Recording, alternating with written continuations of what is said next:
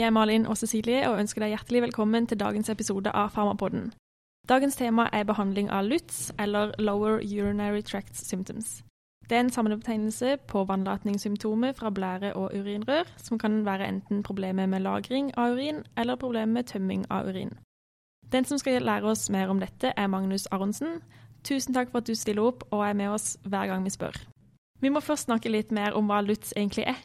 Vi delte innledningsvis inn symptomene i lagringssymptomer og tømmingsvansker. Kan du fortelle litt mer om dette? Ja, der er det jo sånn at uh, dette kan jo gi veldig mange symptomer, da. Og da er det lurt å skille de inn i si, det som har med lagring av urin, og det som har med tømning og urin, altså når man går på toalettet og vil tømme ut, da.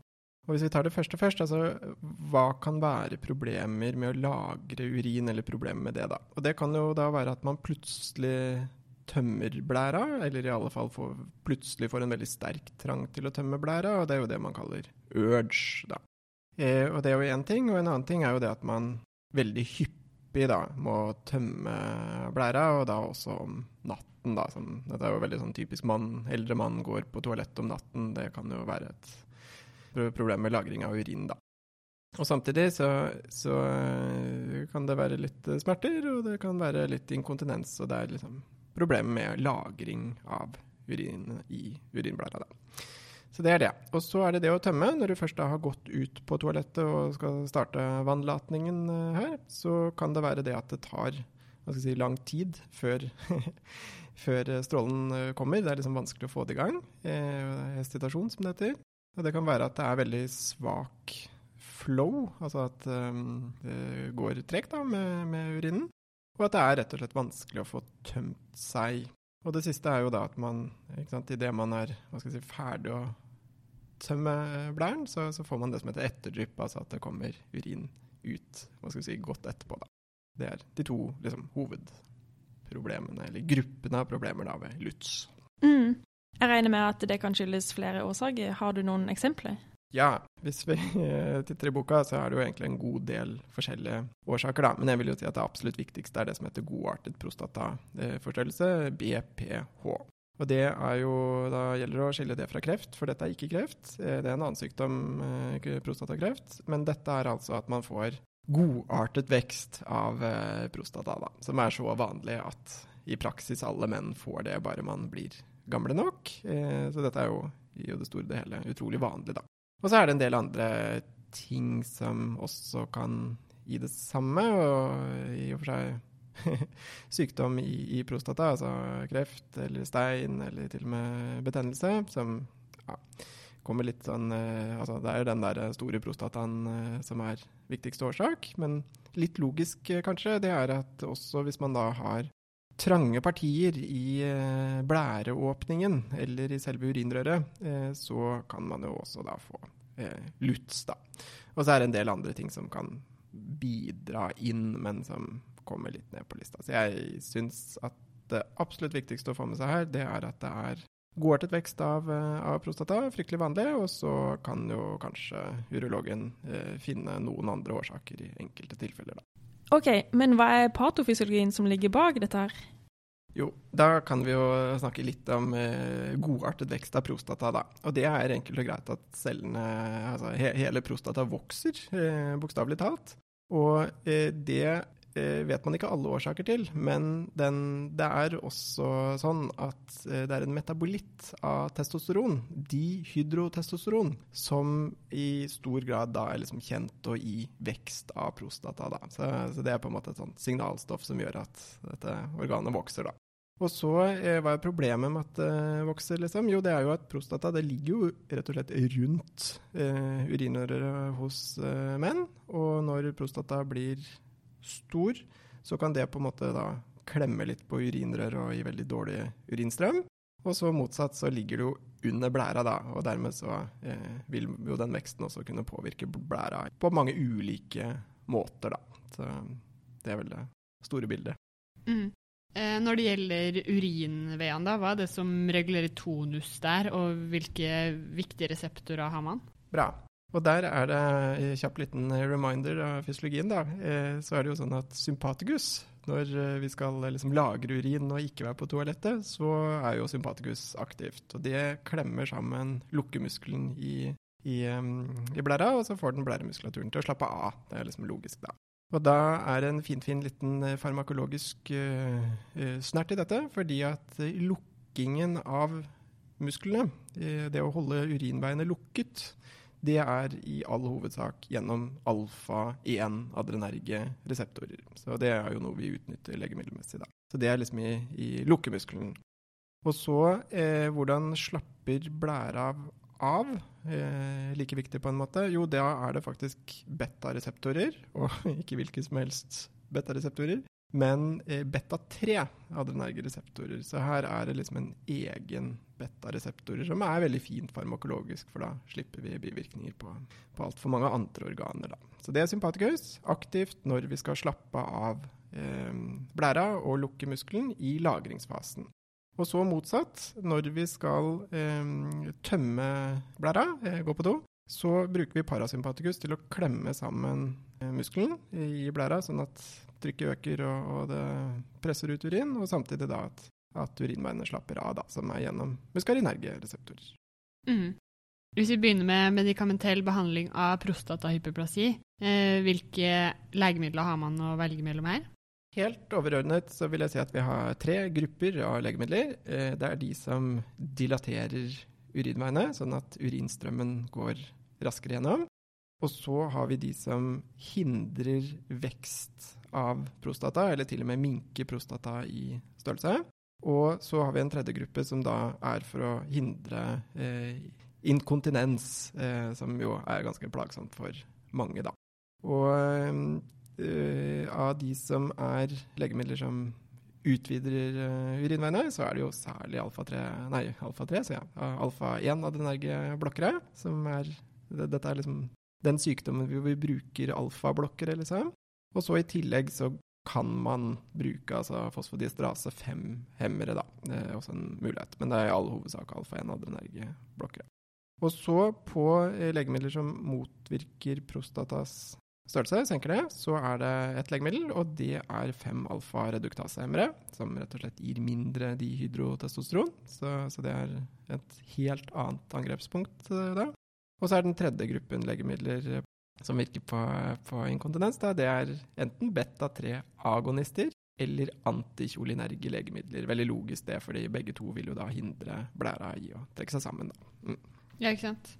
Så alfa-1-blokkere hemmer som du sa, konstruksjonen av urinveiene og gir dermed dilatasjon av blærehalsen, sånn at urinen lettere kommer forbi prostata og brukes da ved, ved symptomatisk eh, benign prostatahyperplasi. Eh, men når den da hemmer sympatisk konstriksjon av glatt muskulatur, så vil man kanskje også få en del bivirkninger? Ja. Eh, det er kanskje to ting å nevne der. Eh, og det er det første at det er jo nå alfa-adrenerge reseptorer ikke bare i urinveiene, men også i blodkar da, og arterioler. Så hvis man tar en alfa-adrenerge-blokker, så vil man jo kunne få vasodilatasjon, altså utvidelse av kar. Da. Og I teorien uh, og i praksis for så vidt, så får du jo da en skikkelig senkning av total perifem motstand, og så er jo dette rett og slett en uh, blodtrykkssenkende legemiddel. Og det høres jo egentlig veldig fint ut, men det bare har seg sånn at i langtidsstudier hvor man har testet alfa-adrenerge blokkere som blodtrykksbehandling, så har ikke det kommet heldig ut på den måten at man ikke får Eh, man får blodtrykkssenkende effekt, men man får ikke livsforlengende effekt av alfa-adrenerge-blokkere. Så det er derfor man ikke bruker det som, som blodtrykksbehandling, da. Mm. Og så skal det sies at eh, så, Og dermed så er jo det å tenke på som doktor her, det er jo Er det sånn at eldre pasienter som da kan bli litt svimle og sånn, eh, det vet vi, og så gir vi alfa-adrenerge-blokker, så kan det jo hende at man blir enda svimlere, og særlig når man reiser seg opp og sånn. Mm. Så det skal vi være litt obs på når vi har skrevet ut en alfablokk, liksom svimmelhet og blodtrykksfall og den type ting. Men da vil jeg også legge til at eh, hvis man går virkelig inn i litteraturen, så fins det jo ulike alfaadrenerge reseptorer. Og de som er i urinveiene, er ofte en litt annen subtype enn de som er i karene. Så noen av de eh, legemidlene som man nå bruker mye mot prostatasykdom, så skal ikke den blodtrykkssenkende effekten være for stor og for uttalt. Men det er riktig doktorarbeid å spørre etter dette allikevel, vil jeg si. da. Mm.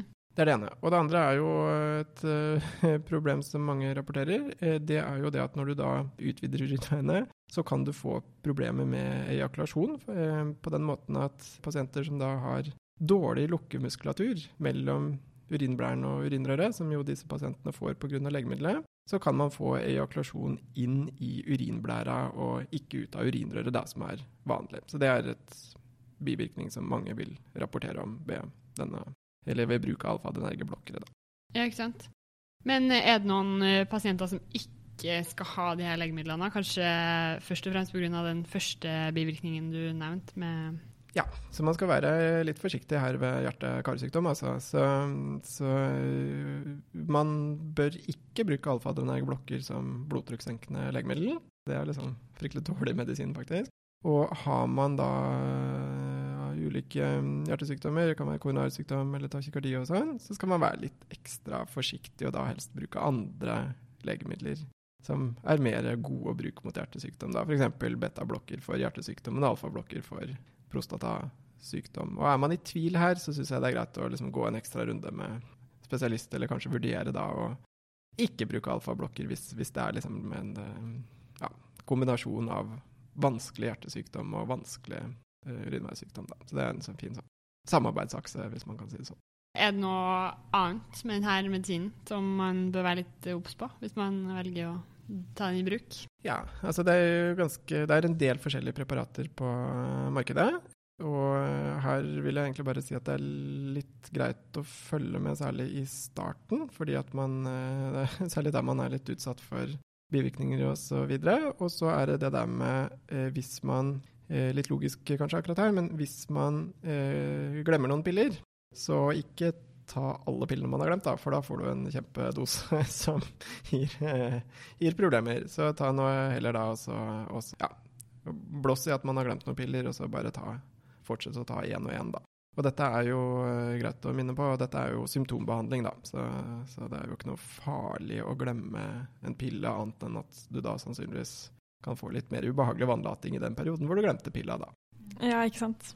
Eh, du nevnte òg fem alfa-reduktasehemmere som reduserer størrelsen på prostata. Hva er det som egentlig er virkningsmekanismen der? Ja, dette er kjempefint, uh, kjempefint uh, legemiddel, egentlig. Fordi sant, prostata vokser pga. vekstsignaler i kroppen. Og da er det faktisk sånn at testosteron har jo mange effekter i kroppen, det. Men testosteron omdannes også til dihydrotestosteron. Og det er dette dihydrotestosteronet som da særlig har effekter på prostata. Og da er det jo litt hyggelig da at eh, det enzymet som omdanner testosteron til dihydrotestosteron, det er altså 5-alfa-reduktase. Så når man da bruker en 5-alfa-reduktasehemmer, så får man mindre dihydrotestosteron, og dermed effekt på prostata, men man får ikke tap av testosteron, som ville gitt veldig veldig mange andre bivirkninger. da. Så det er litt sånn gløgg. Ja, smart. Kjemi, hvis man kan si det sånn. Og så er det da å si at eh, som testosteron som alle andre um, steroidhormoner, da, eller dihydrotestosteron, det virker jo ikke sånn akutt. Akkurat, altså Alfa-adenergeblokkere det virker jo fort fordi det virker på en reseptor. Men disse legemidlene her de har jo langt, langt tregere effekt fordi de eh, altså, Først så må de blokkere dannelsen av dihydrotestosteron, og så må dihydrotestosteron Det vil jo normalt si endringer av gener, og disse endringene i genene gir vi cellevekst, og så vil eh, cellene vokse, og så Ja, det tar lang tid. Mm. Og dermed så gjelder det å huske da at det tar måneder, halvt år, et eller annet sånn, fra man gir legemiddelet til man får full effekt. Og da er det, syns jeg, veldig morsomt, for jeg tenkte først ved aller første tanke at dette er jo legemidler som er supert, da, men da stopper det videre vekst av prostata. Det kunne man jo tenke, Men det er faktisk mye bedre enn det. Disse vil ikke bare stoppe veksten av prostata, de kan til og med redusere veksten med ganske så mye, da. Så det er jo en veldig fin medisin sånn sett, da. Ja. Hm. Hva er det som er viktig å utelukke før man starter på medikamentet? Ja, der er det et litt viktig poeng der er eh, eh, Det som jo er en viktig blodprøve når man, når man eh, jobber med prostata, det er jo PSA. For man, en ting er godartet vekst, som vi snakker om her, men det andre er jo da prostatakreft. Og da gjelder det å vite at, at de fem alfa-reduktasehemmerne de spiller jo inn på PSA-verdien, blant annet. Da. Så der kan vi liksom lure oss selv litt. Ja. Hvis vi tar legemiddelet, og så syns vi PSA-verdien er grei, men litt sånn sånn, og da kan, må vi tenke at kanskje den er nå kunstig lav fordi vi har tatt fem alfa-reduktasehemmer. Så det er Ja. greit å utelukke først. Mm. Hva er egentlig PSA? Ja, bra. PSA er et stoff som fins i prostata, og som har uh, ulike funksjoner i forhold til uh, sædvæsken.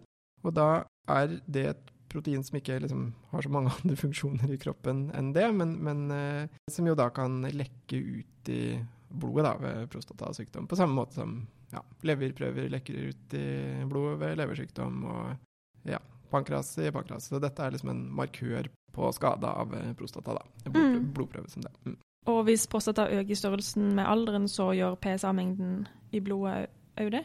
Ikke så mye, så det er ikke størrelsen i seg selv. Det er mer det at det skades og frigjøres ting. Så ved, ved, det er særlig ved kreft da, hvor verdien går opp. Okay. Så um, ja. Så, sant? Du kan ha størrelsevekst uten at det går altfor mye ut i blodet. Det vil jo gå litt mer ut i blodet, det er nå greit nok. Men når uh, du får kreft og får skikkelig skade rundt om, så, så vil den verdien kunne gå mer opp. Da. Så, ja. Mm. Og så kan det jo sies da at hvis man har mekanisk påvirkning, eh, man har gjort noen ultralydundersøkelser eller bare gjort rektaleksplosjoner eller noe sånt nå, så vil PSA også gå litt opp av bare det. Og da kan vi jo også nevne eh, det å sitte på en racersykkel en god stund, da. Det er vel også en ting der. Så ja, prostatasykdom, men også eh, mekanisk påvirkning. Og dermed så gjelder det å hva skal jeg si, ta blodprøven og gjøre først, og ultralyd eller eksplorasjon etterpå, da. Det kan jo være klokt. Ja, ikke sant. Eh, tilbake til fem alfa-reduktasehemmer, da. Hvilke bivirkninger har de? Nei, dette går egentlig veldig bra sånn ofte, fordi at eh, virkningen er på dihydrotestosteron og ikke testosteron, da, som vil gitt veldig mye mer bivirkninger. Men det som nok er eh, det som er mest rapportert og plagsomt, er, er ereksjonsproblemer, da. Så det er en ting som er, hva skal jeg si, vanlig. Og da er en ting som pasienter eh, gjerne vil vite, det er at eh, det er reversibelt. Så de problemene man har, de vil eh, som regel da forsvinne da når man slutter på preparatet. Så det er liksom en sånn grei ting å vite. Men hvis man skal bruke de her, da, brukes de alene sammen med noen andre, eller har man noen kombinasjoner som er lurt å velge? Veldig bra. Eh, det er vanlig å ta kombinasjon, altså begge legemidler, både alfablokker og 5-alfa-reduktasehemmer. Eh, og mange er nok eh, godt fornøyd med det. Og så er det ikke helt uvanlig å ta bare én av de hver for seg, da. Og da er det litt sånn at å skrive ut alfa-adrenergoblokker som fastlege, det er jo i og for seg greit nok hvis man bare har, vet hva man gjør, på en måte. Og så kan det nok eh, være greit å, å si, være litt mer nøye på 5-alfa-reduktasehemmere, da. Og der er et poeng, altså hva, når, når bruker man hva, liksom. Og da vil jo det ikke alltid være sånn at det er proporsjonalitet mellom vannlatingsplager og hvor stor prostata er. Så øh, dette blir jo mer sånn som urologen får øh, se på og avgjøre, da. Men der hvor det er veldig stor prostata, så jo større prostata, jo mer god grunn er det til å bruke 5-alfa-reduktasehemmer, da. Menn med benign prostatahyperplasi kan altså behandles med alfa-1-adrenerge antagonister som dilaterer urinveiene og letter vannlatinga, og med fem alfa-reduktasehemmere som reduserer prostatastørrelsen med opptil 50% De her to gis ofte sammen og finnes som kombinasjonspreparatet Duodart. Alfa-1-antagonister virker raskt, mens fem alfa-reduktasehemmere virker langsommere. Bivirkninger man skal være obs på, er svimmelhet, hypotensjon og eventuelt synkope, samt ejakulasjonsproblemer. Du var jo innom at et annet symptom ved LUTS er urge, som vil si sterk vannlatningstrang og inkontinens. Og du sa at da kan man bruke antikolinergika og beta-3-agonister. Hvordan fungerer de? Nei, eh, veldig fint, altså. Fordi det er på en måte det tredje problemet, da. så, Altså inkontinens. Og da er det jo sånn at sant, parasympaticus det gir kontraksjon av blæra. Og da er det jo veldig logisk at antikolinergika de hindrer at blæra trekker seg sammen. Og motsatt så, så vil jo beta-3-agonister da kunne avslappe blæra. Så det er på en måte litt sånn logisk, fysiologisk eh, greie, så lenge man bare husker at det er beta-3-reseptorer da i selve blæra. Mm. Hvilke bivirkninger er det viktig å være obs på når man bruker antikolinergika? Åh, oh, det er mange. så jeg, jeg, jeg, må jo si at sånn eh, Jeg syns man skal være veldig forsiktig altså, med bruk av antikolinergika. Det er jo et eh, Hva skal jeg si eh, For å ordlegge meg litt forsiktig, men det er jo et ganske sterkt kjemisk inngrep i kroppen. Da. Altså, Dylkolin har jo veldig mange funksjoner. Mm. Det vet vi jo. Parasympaticus gjør mye i kroppen. Og da tror jeg vi kan jo nevne noe munntørrhet og forstoppelse og sånt. Logisk ut ifra hvordan ting virker, altså parasympaticus virker på fordøyelsessystemet. Vi kan få øyeplager, øyetørrhet og den type ting. Blæreforstyrrelser, pussig nok i og for seg. Men det som jeg tror er absolutt viktigst å ha med seg, er at særlig hos eldre så er dette en litt for vanlig greie som nedsetter si, kognitive funksjoner og gir forvirring og ja, litt sånn hjerne, hjernebivirkninger som kan være ganske um, plagsomme. Altså. Så Antikolinergika for å liksom uh, hindre litt uh, inkontinens, vel, uh, det skal man veie ganske klart og tydelig opp mot bivirkningsprofilen, og da særlig de kognitive funksjonene. For det er, det er vel en slags erfaring at de bivirkningene litt for ofte er såpass sterke at ja, ved nærmere ettersyn så er det kanskje ikke verdt å ta de, da. Så mye som det går inn. Men da kan det jo mm. være verdt å merke også at dette er doseavhengig, og går jo ofte bort da, hvis man tar de bort. Så følg med på eldre som tar antikolinergika nøye, og ja, særlig kognitiv funksjon, og ikke tenke at det er helt kritisk å ta disse legemidlene hvis bivirkningene blir for store. Og det er det relativt vanlige at det er.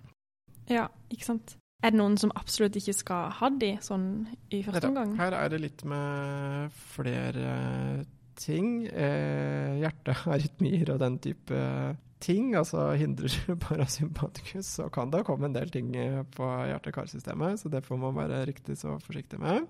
Og så er det jo sånn som sagt at ok, man kan da få bivirkninger på sentralnervesystemet, og hvis man allerede er der at man er litt i mm, altså lett demens, eller uh, har hatt noe delir, eller den type ting, altså sånt noe, vær nå forsiktig med um, dette, da. Og så i tillegg, hvis man har hinder i urinveiene, så kan jo også slå inn. Mm. Ja.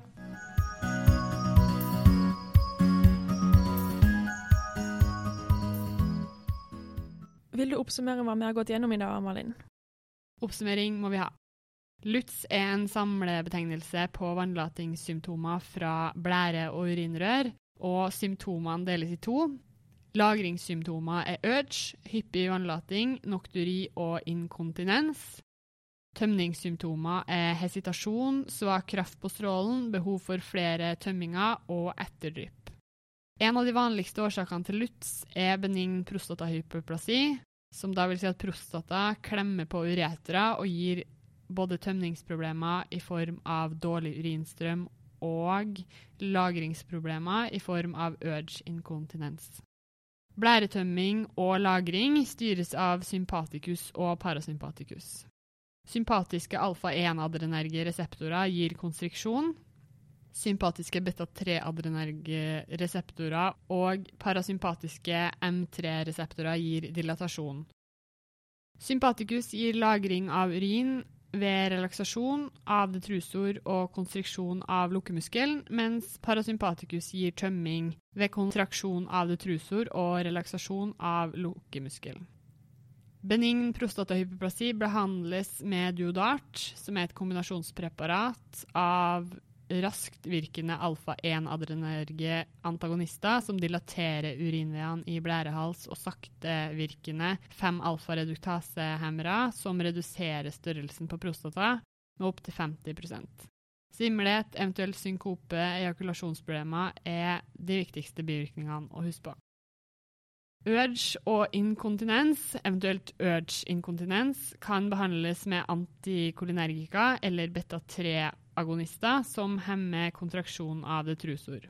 Bivirkningene er doseavhengig og reversibel, men kan være ganske plagsomme. Eksempler er munntørrhet, forstoppelse, tørre øyne og blæreforstyrrelser. Man skal være særlig forsiktig med eldre pga. økt risiko for delir. Og ved avløpshinder i nedre urinveier. Tusen takk for alt du har lært oss i dag, Magnus. Og tusen takk til deg som lytter til Farmapodden. Vi håper denne episoden har vært lærerik også for deg. Du kan som vanlig nå oss både på Facebook, Instagram og på mail farmapodden at gmail.com dersom du har spørsmål eller tilbakemeldinger. Vi høres igjen. Ha det! Ha det!